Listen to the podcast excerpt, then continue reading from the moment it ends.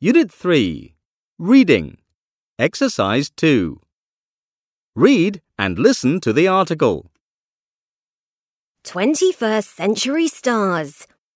From sport and music to technology and film, the stars of today are young, talented, and ambitious. Here we look at some young people at the top of their professions. Can you guess who they are? He was born in Sao Paulo, Brazil. He played for the Santos youth team when he was 11. At the age of 17, he signed his first professional contract. At 19, he became South American Footballer of the Year. But he didn't stay in Brazil. Two years later, he moved to Spain and joined Barcelona.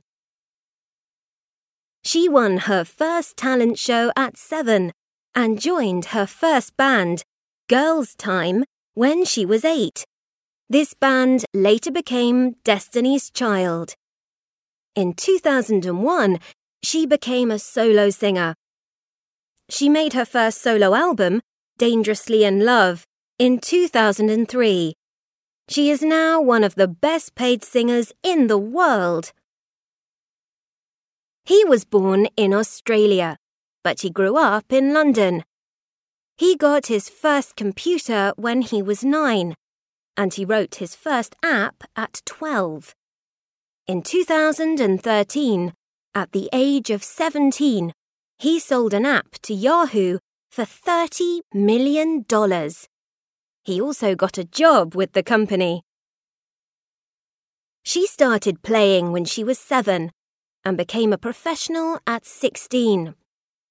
Ten years later, she was one of the top 10 women players in the world. Soon, she was Asia's number one tennis player. In 2011, 116 million Chinese fans watched her win the French Open.